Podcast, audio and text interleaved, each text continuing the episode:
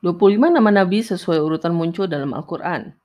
Kita lebih sering mengurutkan nabi sesuai urutan tahun diutus atau lahirnya. Tapi bagaimanakah urutan pembahasan tentang para nabi dalam Al-Quran? Tentu saja beberapa nabi diceritakan lebih detail kisahnya dan diulang pembahasannya daripada nabi lainnya. Tapi urutan kemunculannya dalam Al-Quran jelas menegaskan posisi nabi itu dan efeknya pada pembelajaran manusia. Satu Adam alaihissalam. Pembahasan pertama tentang Adam muncul di ayat 31 surat Al-Baqarah ketika membahas tentang pernyataan bahwa Allah menjadikan di bumi manusia sebagai khalifah. Adam adalah manusia pertama yang juga nabi pertama di dunia. Adam diutus pada keluarganya sendiri. Salah satu kisah yang paling menarik adalah tentang Adam adalah terjadinya saling bunuh antara dua anaknya, Kobil dan Habil. Dua Musa alaihissalam. Musa berada di urutan ke-14 berdasarkan tahun lahir. Tapi mengapa kisah tentang Musa dimunculkan setelah kisah Adam di ayat 51 surat Al-Baqarah? Tentu karena kaum Musa, Bani Israel adalah kaum terbesar yang padanya diutus banyak nabi. Walaupun Bani Israel adalah keturunan langsung Yakub, tapi mengapa kisah Musa diangkat terlebih dahulu? Karena setelah lima generasi kenabian, terjadi banyak penyimpangan dari keturunan Yakub yang perlu dijadikan pelajaran bagi umat muslimin. 3. Sulaiman alaihissalam Sulaiman masih merupakan nabinya Bani Israel. Mengapa pembahasan tentang Sulaiman muncul di tengah-tengah pembahasan tentang Musa? Sebetulnya karena kejadian di zaman Musa, uh, di zaman Sulaiman, di mana banyak orang meninggalkan perintah Allah demi mempelajari ilmu sihir. Pembahasan ini terdapat di ayat 102 surat Al-Baqarah ketika sebelumnya dibahas tentang bagaimana sikap orang yang telah diberikan kitab terhadap kitab Allah. 4. Ibrahim alaihissalam Ibrahim pertama kali muncul dalam Al-Quran di ayat 124 surat Al-Baqarah setelah membahas tentang perilaku Bani Israel. Nabi Ibrahim merupakan nabi yang masyur karena kisahnya tentang penyembelihan anaknya Ismail. Nabi Ibrahim adalah nabi urutan ke-6 yang kaumnya disebut bangsa Kaldan, berada di daerah Irak lalu hijrah ke Mekah. 5. Ismail alaihissalam Ismail adalah anak Ibrahim dari istri keduanya Hajar. Keduanya terkenal karena kisah Said dan air zam-zam. Ismail bersama dengan ayahnya Ibrahim meninggikan pondasi Ka'bah seperti yang dipaparkan di ayat 125 surat Al-Baqarah. Muhammad SAW adalah salah satu keturunan Ismail alaihissalam. 6. Yakub alaihissalam. Yakub adalah salah satu keturunan Ibrahim dari anak keduanya yaitu Ishak bernomisili di daerah sekitar Palestina. Mengapa yang dibahas terlebih dahulu justru Yakub bukan Ishak? Ini berkaitan dengan anak keturunan Yakub yang kemudian menjadi Bani Israel. Pembahasan pertama tentang Yakub adalah wasiatnya kepada anak-anaknya di ayat 132 surat Al-Baqarah seperti wasiat Ibrahim kepada anak-anaknya. 7 Ishak. Ishak adalah anak dari Ibrahim dengan istri pertamanya Sarah. Mereka dikaruniai dua uh, anak di usia yang sangat tua. Ishak pun sulit mendapatkan keturunan yang akhirnya dikaruniai dua anak laki-laki kembar yang salah satunya adalah Yakub. Jadi sementara Muhammad keturunan Ibrahim dari jalur Ismail, Bani Israel adalah keturunan Ibrahim dari jalur Ishak.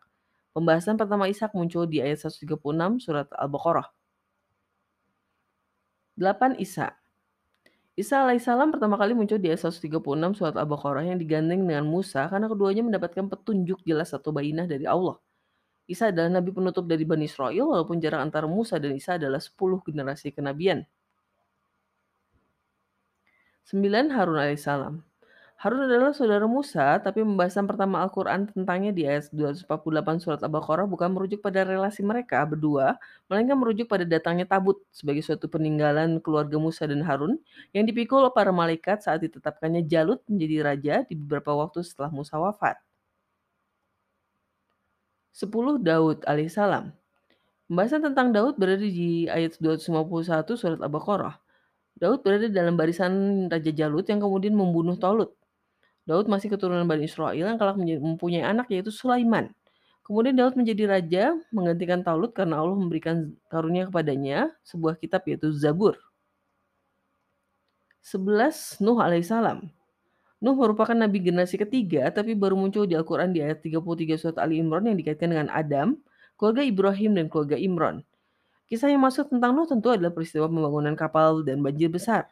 Salah satu anaknya Nuh menolak untuk beriman sehingga termasuk yang ditenggelamkan. Al-Quran di ayat 14 sampai 15 surat Al-Ankabut memaparkan usia Nuh adalah 950 tahun. 12 Zakaria alaihissalam Pembahasan pertama Zakaria ketika membahas tentang Maryam yang berada dalam pengasuhannya. Setiap kali Zakaria menengok Maryam selalu tersedia makanan yang dijawab Maryam dari Allah seperti yang tertera di ayat 37 surat Ali Imran. Zakaria baru mendapatkan turunan di usia tua dan hanya mempunyai satu anak yaitu Yahya. Zakaria bukanlah ayah dari Maryam tapi masih satu kerabat dengannya. Maryam sendiri merupakan salah satu anak dari Imran.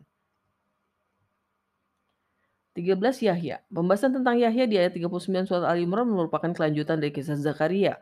Allah memberi kabar tentang kelahiran Yahya saat dia berdiri menegakkan sholat melalui Zibril. Istri Zakaria bukan hanya sudah tua, malaikat juga mandul. Tapi Allah memberikan karunia kepada mereka berdua dan Yahya bukan anak biasa, melainkan seorang calon nabi. 14 Muhammad Sallallahu Alaihi Wasallam. Nama Muhammad Sallallahu Alaihi Wasallam baru muncul di ayat 144 surat Ali Imran yang menegaskan bahwa ia hanyalah manusia biasa. Pembahasan di ayat ini berkaitan dengan perintah jihad pada orang-orang beriman. Hal lain yang dibahas dalam Al-Quran berkaitan dengan Muhammad adalah bahwa beliau bukanlah bapak dari satupun anak laki-laki, seperti yang tertera di ayat 40 surat Al-Ahzab.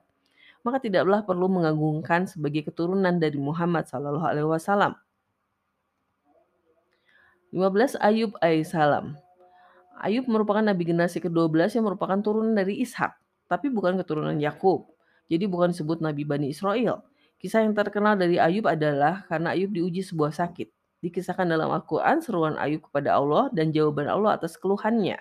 Juga dikisahkan tentang kemudahan memukul bagi istri yang dianggap melanggar perintah Allah. 16 Yunus alaihissalam. Nama Yunus pertama kali muncul di ayat 163 surat An-Nisa seperti juga Ayub. Kisah yang terkenal dari Yunus adalah saat ditelan ikan paus karena meninggalkan kaumnya yang tidak mau mendengarkan dakwahnya yang dipaparkan di ayat 142 surat As-Saffat. Dan Allah memaafkannya dengan melemparkannya ke pantai dan memberinya makan. 17 Yusuf alaihissalam. Nama Yusuf pertama kali muncul di ayat 84 surat Al-An'am.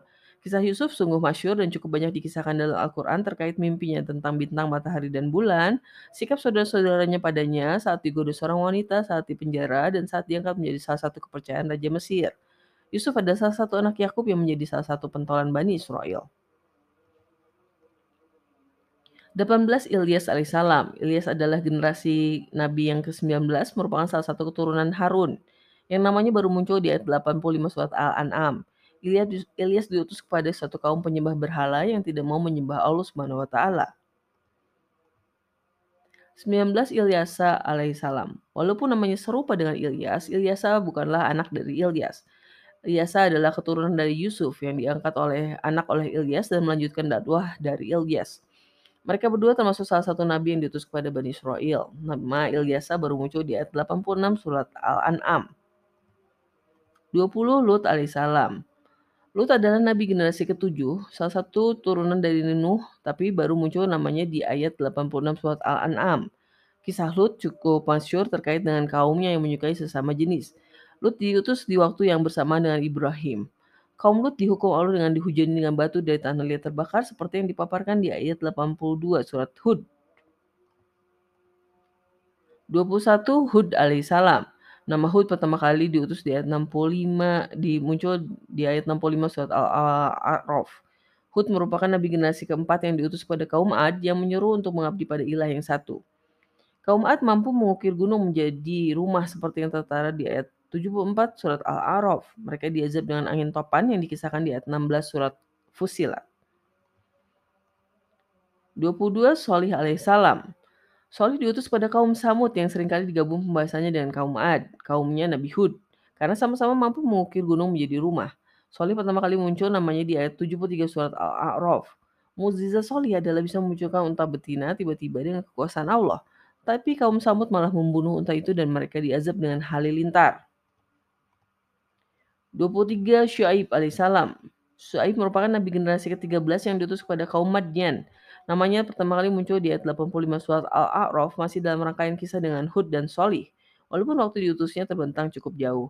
Kaum Madyan suka berbuat jurang dalam timbangan yang dipaparkan di ayat 87 surat Al-Hud. Mereka diazab dengan gempa bumi. 24 Idris alaihissalam. Nama Idris baru muncul di ayat 56 surat Maryam, terpisah cukup jauh dari nama nabi-nabi sebelumnya. Tidak banyak hal yang disisahkan tentang, tentang Idris dalam Al-Quran, tapi banyak yang menempatkan Idris setelah Adam karena merupakan keturunan dari Kobil. 25 Zulkifli. Tidak jauh dari Idris, kemunculan nama Zulkifli pertama kali di ayat 85 surat Al-Anbiya.